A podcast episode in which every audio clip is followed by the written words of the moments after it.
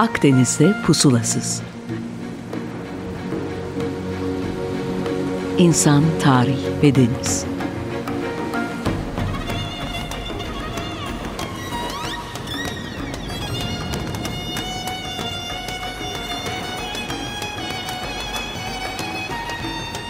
Hazırlayan ve sunan Sidar Duman. 95.0 Açık Radyo'dan herkese merhaba. 11 Nisan Salı, ben Sidar Duman, Akdeniz'de Puslasız programıyla karşınızdayım. Bu program sizden gelen sorulara cevap vermek istiyorum. Baya birikti, uzun zamandır konuklar aldık, şu bu derken vakit bulamadık. Bakalım kaç tanesini cevaplayabileceğiz. İlk soru bir de birkaç kere geldiği için başlamayı tercih ettiğim soru Fenike moru. Bu Fenikelilerle ilgili tabii çok konuştuk program boyunca. E, ve Fenike moru da gerçekten çok güzel bir konu. Eğer siz de mor rengini seviyorsanız belki de böyle bir e, kraliyet kökleriniz olabilir geçmişte diye düşünüyorum. Ama başlamadan önce Fenikelilerin moruna gitmeden önce sonuçta tüm dünyada bir moda akımı başlatan bu rengin e, daha işte yakın tarihteki örneklerine bakalım istedim. Yani nasıl oluyor da bir şey tüm dünyada aynı anda e, istenebiliyor, arzulanabiliyor ve işte hatta Turgay Tuna ile geçen programlarda İstanbul'daki modanın bu yine 1850'lerden itibaren alalım. Avrupa'dan değil de e, Mısır üzerinden geldiğini bize konuşmuştuk mesela. E, yine aynı dönemlere geliyor. Biraz daha sizler için araştırdım. Temel olarak biliyordum ancak gerçekten çok detaylı bir konu. Bu 1850'lerde dünyada bir uluslararası fuar çılgınlığı diyebileceğimiz bir şey başlıyor. Tabi Osmanlı da o zaman yakından takip ediyor modayı ve e, ilki işte şey tüm ulusların endüstri üretimlerinin büyük sergisiymiş adı ve bu İngiltere'de açılıyor. Kısaca büyük sergi deniyor. E, büyüleyici bir saray yapılıyor sadece bu sergi için yani dünyanın dört bir köşesinden gelen işte ham madde ve endüstri ürünlerinin sergilenmesi için e, Biraz da tabii endüstri devrimini biz yaptık. İşte gelin siz de burada güzel bir şeyler gösterin diye. Kristal Saray, Kristal Saray diye bir yer inşa ediliyor e, Londra'da. E, ve şu anda da Hyde Park'ta bunu görebilirsiniz açıldığı zamanlarda. Ve sıkı durun. Açık kaldığı süre boyunca 4-5 ay yanlış hatırlamıyorsam bu sergi açık kalıyor. 1850'lerdeyiz. Fuarı 6 milyondan fazla ziyaretçi gezmiş. Yani gerçekten inanılmaz bir şey. E, bu ilk belki de uluslararası fuar dersek yanılmış olmayız oldukça tabii yüklü miktarda bir gelir elde ediliyor. Bu bütün ziyaretçilerden diye düşünüyorum. Ve bu Londra'nın South Kensington bölgesinde meşhur Victoria Albert Museum, işte bilim müzesi, doğa bilimleri müzesi bu kuruluyor. Ve büyük sergi işte tabii biz bugün ona Expo diyoruz ama e, bu ilk en büyük organizasyon diye düşünebilirsiniz. Tüketim alışkanlıklarına belki yön vermeye başlayan böyle bir kuvvetli oyuncu. Hatta çay bir programda bahsetmiştik. Çok önemli bir tüketim mamülü haline geliyor. Ya ne alakası var? Sende yetişmiyor. Çay niye kovalıyorsun? Çay getirmek için tekneler üretiyorsun. Hatta sırf o çayı almak için savaşlar düzenliyorsun. İngiltere'den bahsediyorum. Bütün e, Çin coğrafyasında. Yani bu bir ürün çok moda hale geliyor ve bu artık ne olursa olsun buna sahip olmalıyım hissinin yaratılmaya başlandığı günler olarak söyleyebiliriz. Tabi İngiltere yapar da Fransa durur mu? Hemen o da bir expo düzenlemiş. E, bizle ilgili kısmı şu Fransa'da düzenlenen Expo'nun Abdülaziz de bu geziye e, bir geziye çıkıyor ve e, hatta sadece geziye çıkan yurt dışına giden ilk padişah olarak da ünlenmiş. Bu Fransız Expo'suna gitmek istiyorum diyor. İşte Ortaköy Camii'nde namazı müteakip e, Sultaniye yatına biniyor ve ver eline Akdeniz. Şimdi Akdeniz'den gidiyor rotayı kabaca tahmin edebilirsiniz. E, ve Toulon limanında karaya çıkıyor. Şimdi Akdeniz'de bir sürü liman var. Acaba neden bu limanı seçti? Bu kısmını tamamen ben üretiyorum. Ee, lütfen bir e, kıymetli bilgi diye almayın. Bir yorum olarak alın lütfen. Ee, çünkü Barbaros, Barbaros Hayrettin Paşa 300 sene önce bu limanda donanma ile kışlıyor. Hatta işte donanmanın burada konakladığı kış boyunca da oradaki katedral, katedral camiye çevriliyor. Acaba orada durup da karaya çıkmayı istemesinin Abdülaziz'in böyle bir gizli sebebi olabilir mi diye düşünmeden edemedim paylaşayım dedim. Ee, şimdi sadece Londra ve Paris'teki fuarlara katılmamış tabii dönemin e, İstanbul'daki bu konuyla alakalı e, insanları. Bir fuarda Sultanahmet Meydanı'nda düzenleniyor ve ilgi çok büyük. Osmanlı'nın işte yüzünü batıya döndüğü dönmeye başladığı dönemler ve bunu da bu fuar furyasına katılarak göstermiş oluyor. Neyse lafı çok uzatmadan şu mor, Fenike moru ile ilgili birkaç bilgiyi sizlerle paylaşayım. Ben niye merak ettim bu konuyu? İşte biz 360 derece tarih araştırmaları derneği olarak bir Fenike teknesi yapmaya karar verdik. Çok güzel bir tekne. Bir gün Urla'ya gelirseniz mutlaka tersaneye gelip gezmelisiniz. Bir replika. E, geminin özelliği şu. En baş tarafta geminin bodoslaması dediğimiz böyle bir çıkıntı var. Bütün sargıların gelip birleştiği uzunca. Fenike teknelerinin ayırt edici özelliği onun kafas bölümünde bir at oyması bulunması bu Fenike teknelerinin ve tüm Akdeniz'de genelde bunlar geziyorlar, seyir yapıyorlar. Bunun çok güzel bir örneği var. Tabi işte Fenikelilerle ilgili okuyunca da bu mor. Hatta Yunanca zaten mor demek neredeyse. Kendi kelime anlamından bahsediyoruz. Nasıl elde etmişler bu kumaş boyası ve bu kadar meşhur olmuş? Ve niye sadece o bölgede var acaba diye araştırınca. Şimdi Murex diye bir deniz salyangozu. Ee, yani deniz salyangozunu ben çevirdim bilmiyorum belki daha biyologlar e, cevap verebilirler. İşte Tire moru diye geçiyor, Fenike moru. Lübnan kıyılarından bahsediyoruz modern dünyaya bakarsak. Ee, bu Doğu Akdeniz'deki Tire limanından tüm antik dünyaya pazarlanmış. Ve nadir bir eser olduğu için de tabii ki ne olmuş?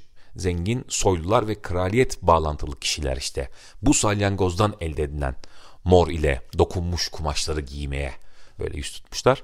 Tabii böyle bunlar biraz da kokuyormuş ama herhalde o zaman çok umursanmıyordu diye düşünüyorum. Bugün de bakarsanız çok pahalı bir meta. E, gramını 3000 dolardan alıcı bulduğu söyleniyor. 1 gram fenike morunun. Bir kıyaslama adına e, şey datası verelim. Bunun sentetiği var tabii ki morun. Onun da gramı 1 dolar. Yani 3000 dolar ve 1000 dolar gibi çok ciddi bir fark var doğal olarak e, elde edilen bu e, salyangozdan elde edilen morun. Şimdi Aristoteles kullanmış, o da başka şeyler vermiş, tavsiyeler vermiş ama genel olarak bu 45 kilogram kabukludan, bu deniz salyangozundan 1 gram toz boya elde ediliyor. Yani gerçekten zor bir süreç. Şimdi kabuğu denizden topluyorsunuz. Önce tatlı su ile bolca yıkıyorsunuz. Ee, bu arada mesela bizim kıyılarda da çok var. Ben çok rastladım. Bütün bizim Türkiye'nin Akdeniz, Ege kıyılarımızda. Fakat hepsinin içi boş, canlısı yok. Bunun sebebi ne olabilir acaba bilmiyorum. Ee, şimdi kabuğunu kırıyorsunuz ve altından işte e, midyenin içine benzer bir kısım çıkıyor. Pigmentler bunun içine saklı. Bu arada midyeleri de e, afiyetle de yiyorsunuz. Akşama pişiriyorsunuz yani onlar ziyan olmuyor.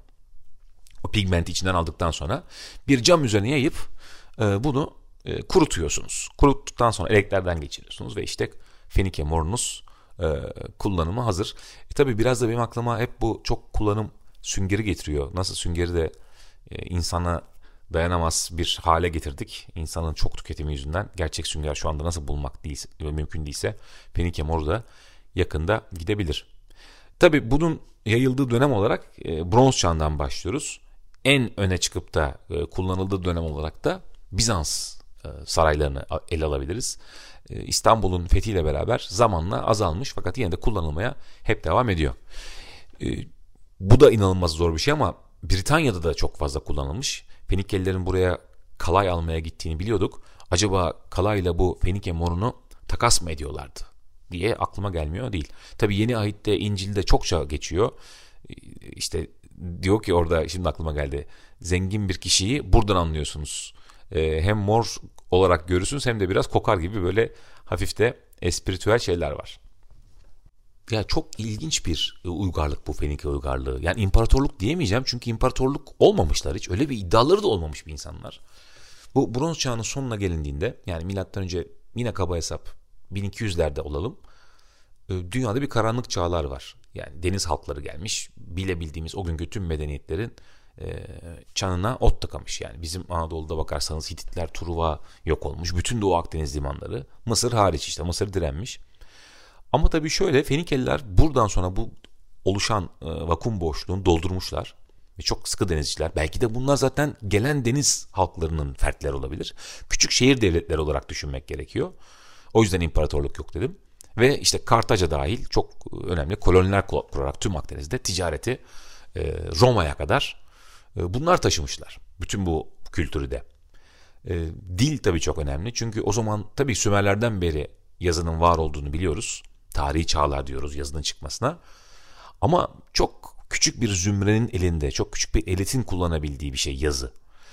Fenikelilerinin yarattığı alfabe ise bu arada sağdan sola yazıyor ve çok basit. Yunanlar da bunu almışlar. Sesli harfleri eklemişler. Oldu size işte Aramice de bunu kullanmış. Arapçada, İbranice de, oradan Latin dilleri. Yani şu anda tabii size gösteremiyorum ama interneti kullanarak çok rahatlıkla bulabilirsiniz. Modern alfabenin bu Fenike alfabesine olan inanılmaz benzerliğini. Yani neredeyse tıpatıp aynısını konuşuyoruz. Ee, bir, bir, bir Chopin yorumu gelsin. Modern bir versiyon. Ee, bakalım siz de beğenecek misiniz? İkinci yarıda görüşmek üzere. Evet Açık Radyo'dayız 95.0 Akdeniz'de pusulasızda. Ben Sidar sizlerle beraberim. Fenike morundan başladık. Umarım daha başka sorulara geçecek vaktimiz kalır. E, niçin bu mor bu kadar meşhur olmuş? Mesela o bir soru olabilir aklımıza gelenlerden. E, muhtemelen içinde kullanılan o yani bizim deniz kabuklusundan çıktıktan sonra kurutulup da kullanılan o toz boya çok dayanıklı. O dayanıklı olduğu için de diğer o güne göre alternatif malzemelere kıyasla çok daha dayanıklı ve işte o yüzden de krallar işte ne bileyim yönetici sınıf daha çok tercih ediyor olabilir. İlk akla bu geliyor. Bir de güzel tabii. Ben mesela çok beğeniyorum. Siz de morcuysanız kökünüz Fenikelilere kadar gidiyor olabilir. Ama sadece mor da değil. Eğer bir Fenike pazarı kafamızda canlandırma şansımız olsa veya yürüme şansımız olsa öyle pazarda inanın dilimiz tutulur. O kadar çok çeşitli mal. Bunun içinde cam, işte şarap, ne bileyim kumaş, bakır, kalay, mücevher, yağlar. Ee, inanın bugünkü expolara taş çıkartacak çeşitlilik orada var. Lübnan sediri. Yani bunlar Akdeniz'de sürekli bir şekilde dönüyorlar. Oradan oraya gidiyorlar. Bunu da biz tabii yine arkeoloji sayesinde biliyoruz. Tekne tipolojisi için yaptıkları katkılar, Britanya'ya böyle sürekli gidip gelebilmeleri, hatta işte Fenike'de biliyorsunuz bir de Kartaca'yı bunlar kendilerine önce koloni olarak seçip sonra daha da büyük bir merkez haline getiriyorlar. Ee, ana karadaki artık Fenike, Tire buraları çok önemsiz küçük yerler olsa da Kartaca alıyor yürüyor ta ki Romalılara kadar. Romalılar da e, keşke yenmeselermiş diyorum hep içimden ama çok sevdiğim için Kartacalıları e, Hannibal'da başaramadı işte bu Alpleri de fillerle geçse olmadı. E, fakat Fenikeliler çok kötüleniyor bir de e, sistem içinde. Örneğin çocuklar kurban ediyorlar gibi böyle karalamalar mevcut bunlarla ilgili. Bu bence Batı dünyasının e, fikri köklerinin hep Yunan'a bağlanması e, idealiyle alakalı. Yani Mısır'da benzer şekilde hep tukak edilmiş, hep Yunan öne çıkarılmış. E, çok sentetik geliyor tabii bana bu. Yoksa Fenikelilerin böyle e, akla zarar gelenekleri falan da yok. E, tabii bakın savaşmadan tüm Akdeniz'de koloni kurup seyahat eden Atlantik'e çıkıp gelen bir imparatorluktan bahsediyoruz. Yani Portekiz, İspanya, Britanya da dahil. Ama bakarsanız işte eski ahitte falan hemen Fenikelilere böyle olumsuz göndermeler var. E, Jezebel var. Acaba nasıl okunuyordu bilmiyorum ama bugünkü Isabel, Isabel diye düşünüyorum. E, Fenikelilerin bir e, yani Tire şehrinin kralının kızı yanlış hatırlamıyorsam. E, ve bu bunu İsrail kralı e, Ahab mıydı? Onunla evlendiriyorlar. Yani böyle bir uygarlıklar arası bir evlilik olmuş. Tabi Isabel kocasıyla birlikte e, ulusal ölçekte bir e, Baal tapınması başlıyor. Ve e, tabi bu İsrail'deki Rabbin peygamberleri tırnak içinde kısmını çok e, rahatsız ediyor. Çünkü onlar ekmeklerinden oluyorlar belki de tasfiye ediliyorlar zaman içerisinde. Ve çok da sevildiğini düşünmüyorum o yüzden ben Isabel'in. E, hatta sonunda da artık bu pencereden düşerek öldü gibi e, yerseniz hikayelerle kutsal kitaplardaki yerini almış Fenikeliler. Yani bunlar böyle çok hayal kahramanı uygarlıklar değiller. Ee, yeni ahitte de kullanılmış bakabildiğim kadarıyla işte vahiy kitabında var. Bu Jezebel sembolik olarak sahte peygamberlerle eşleştirilmiş. Yani bu şeyi sevmiyorlar. İşte tabi Persler gelip de milattan önce 500'lerdeyiz. Bu bütün Doğu Akdeniz'i kontrol ettiklerinde yine Fenikelilere bir şey olmuyor. Bunlar tüccarlıklarıyla Kartaca'da oradan orada şurada burada devam ediyorlar. Ee, sizin için bu programı araştırırken buldum. İnanın haberim yoktu. Bu benim ayıbım olsun. ABD'de Amerika Birleşik Devletleri'nde bir Fenike Teknesi Müzesi var. Ee, Florida'daymış bu. Beyrut'tan binip oraya kadar gitmişler. E tabi ben baktım e, çok güzel değil tekne ama yine de e, benzer kulvarlarda iş yapan insanlar e, varmış. Bu bizim gibi deneysel arkeoloji yapanlar. Nasıl olmuş? E, tabi bu biz de o yolculuklardan yaptık. hiç göründüğü gibi kolay değil. İşte o malı buradan al buraya götür. Ya nasıl aldın? Hangi sipariş? Hangi hava koşulları? Hangi rotalar? Hangi limanlara gir çık? Bir gün belki buna devam ederiz. Şimdi elektromanyetik spektrumda mor diye bir renk yok. Yani siz moru seviyorsanız da örneğin gökkuşağında mor diye bir renk yok. Tabii çünkü gözümüz ışığın sadece belli dalga boylarını algılayıp beynimize gönderiyor. Işığın şiddetinden bağımsız olarak. Ama e, nasıl oluyordu peki bu kadar sevilmiş? İşte Herodot bahsetmiş, Homeros bahsetmiş. Yani sürekli bunlarla ilgili göndermeler var. Ee, dönemin modası böyle mor derken yine Sümerlerden gelen başka bir e, moda unsur keşfettim. Onu sizle paylaşmak istiyorum. Bayağı da kafa karıştırıcı bana sorarsanız. Şimdi Sümerlerden gelen böyle bir e, kabartmalarda elinde çanta taşıyan yani bildiğimiz el çantası var ya bugün kadınların koluna taktığı böyle e, atıyorum 10-15 litrelik e, deri veya işte başka malzemeden yapılan kabartmalarda başlıyor. Göbeklitepe'ye geldim. Göbeklitepe'de işte sütun 33'te galiba yine bundan var. Asur dolu bir heykel elinde bir şey çanta. Ya dedim acaba bu moda mı olmuş yani çanta taşımak acaba o zamanın yönetici sınıfında falan moda olabilir mi diye detaylı bakarken ya yine e, bronz çağında milattan önce bu sefer 2500'de e, Meksika'da aynı çanta mesela işaretli şey var. E, Yeni Zelanda'ya yerleşen Maoriler de var. Yine bronz çağındayız. Ona o zamanlar işte bilgelik çantası falan diye yazan bazı kaynaklar bulabildim. Yani bunlar tabii tekerlek gibi ayrı ayrı noktalarda, ayrı şekillerde bağımsız olarak e, keşfedilmiş de olabilir. Ama sanki bildiğiniz bir moda sembolü gibi. Ha, renk tabii yok kabartma olduğu için ama e, bilemiyorum yani Mısır, Hitit, Uzak Doğu oradan Güney Amerika. Hepsinde var. Hepsi bir anlam yüklemiş.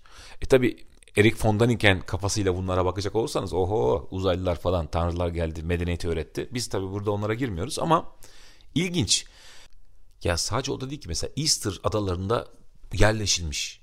Oradaki o heykeller e, çok garip imajlı böyle işte Moai'ler yok işte Akohaviler. Sırf o da değil. Mesela bu Inca Peru ya da işte Easter burada bir duvarlar var. Ya ben bakıyorum bizim Roma öncesi Helenistik duvar e, yapısıyla aynı birebir. Yani Machu Picchu şehir e, dışındaki o bir, hemen yine bir duvarlar gördüm. Aynı, aynı teknik. Yani evler normal, işte büyük taşlar, royal onlar işte o yöntem bile aynı. Nasıl olmuş da bunlar buradan taşımış? Ya da Truva'ya gidiyorsunuz, Truva'nın e, şehir duvarları yine aynı. Yani bu Mısır'dan Peru'ya, oradan Anadolu'ya aynı taş duvar. Bunları görmek. E, hatta işte bu duvarcının parasını son parasını alıncaya kadar böyle isminin bir kabartmasını da taşın üzerinde bırakması bu gelenekler. Hadi Akdeniz okey dedik demin Fenikeliler giderken malları kültürleri de tabii ki taşıdılar. Orada öyle bir kültür varsa buraya da onu belki de gemiler götürdü. E peki şimdi Güney Amerika'da da var. Ya tabii kafa karıştırıcı bir program olmasını da istemiyorum. Öyle bir hedefimiz yok. Daha bilimsel olma iddiamız da yok. Ama böyle hurafiye düşebilecek cümleler söylemekten de imtina ediyorum. E, fakat mesela dedim ya demin denizcilikte ne kadar zor esasında gitmek gelmek o dönemlerde diye. Şimdi Atina'da çok ilginç bir şey gördüm müzede. Bir batıktan çıkarılmış. Bu Antikitera'da bir batıktan. Roma dönemi batığı. Yani çok eski değil. Yani bizim konuştuğumuz en azından bronz çağlarına göre bir diski andırıyor. Bir disk dışarıdan baktığınızda.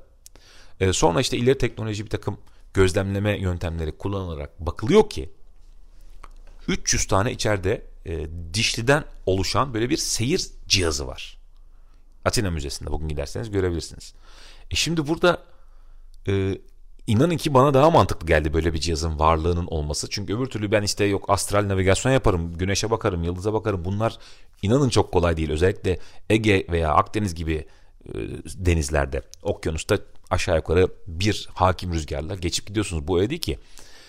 E, yani o yüzden o zamanın GPS'i belki demek daha doğru olabilir. Yani bazı bilgilerimiz eksik ve burada kopukluklar var. Ee, nasıl geleceğiz buradan şimdi? Ee, Fenike morundan buraya nasıl geldin diyeceksiniz ama inanın işte Fenikelilerde bu mucizevari bana göre sorarsanız yolculukları bu kadar çok kez tekrarlamaları ve arada bir çıkan bu tür arkeolojik e, detaylar e, benim çok ilgimi çekti. Bu da böyle program olsun. Tabi soruların hepsine cevap veremedim. Devam ederiz vaktimiz olursa ileriki programlarda 15 gün sonra belki tekrar bir soru cevaplardan ilerleriz. E, sorularınızı, eleştirilerinizi bana sidarduman.gmail her zaman gönderebilirsiniz. Spotify'da da programın tekrarı çok hızlı bir şekilde oluyor. E, oradan da dinlersiniz. Hoşçakalın. Açık Radyo'da kalın.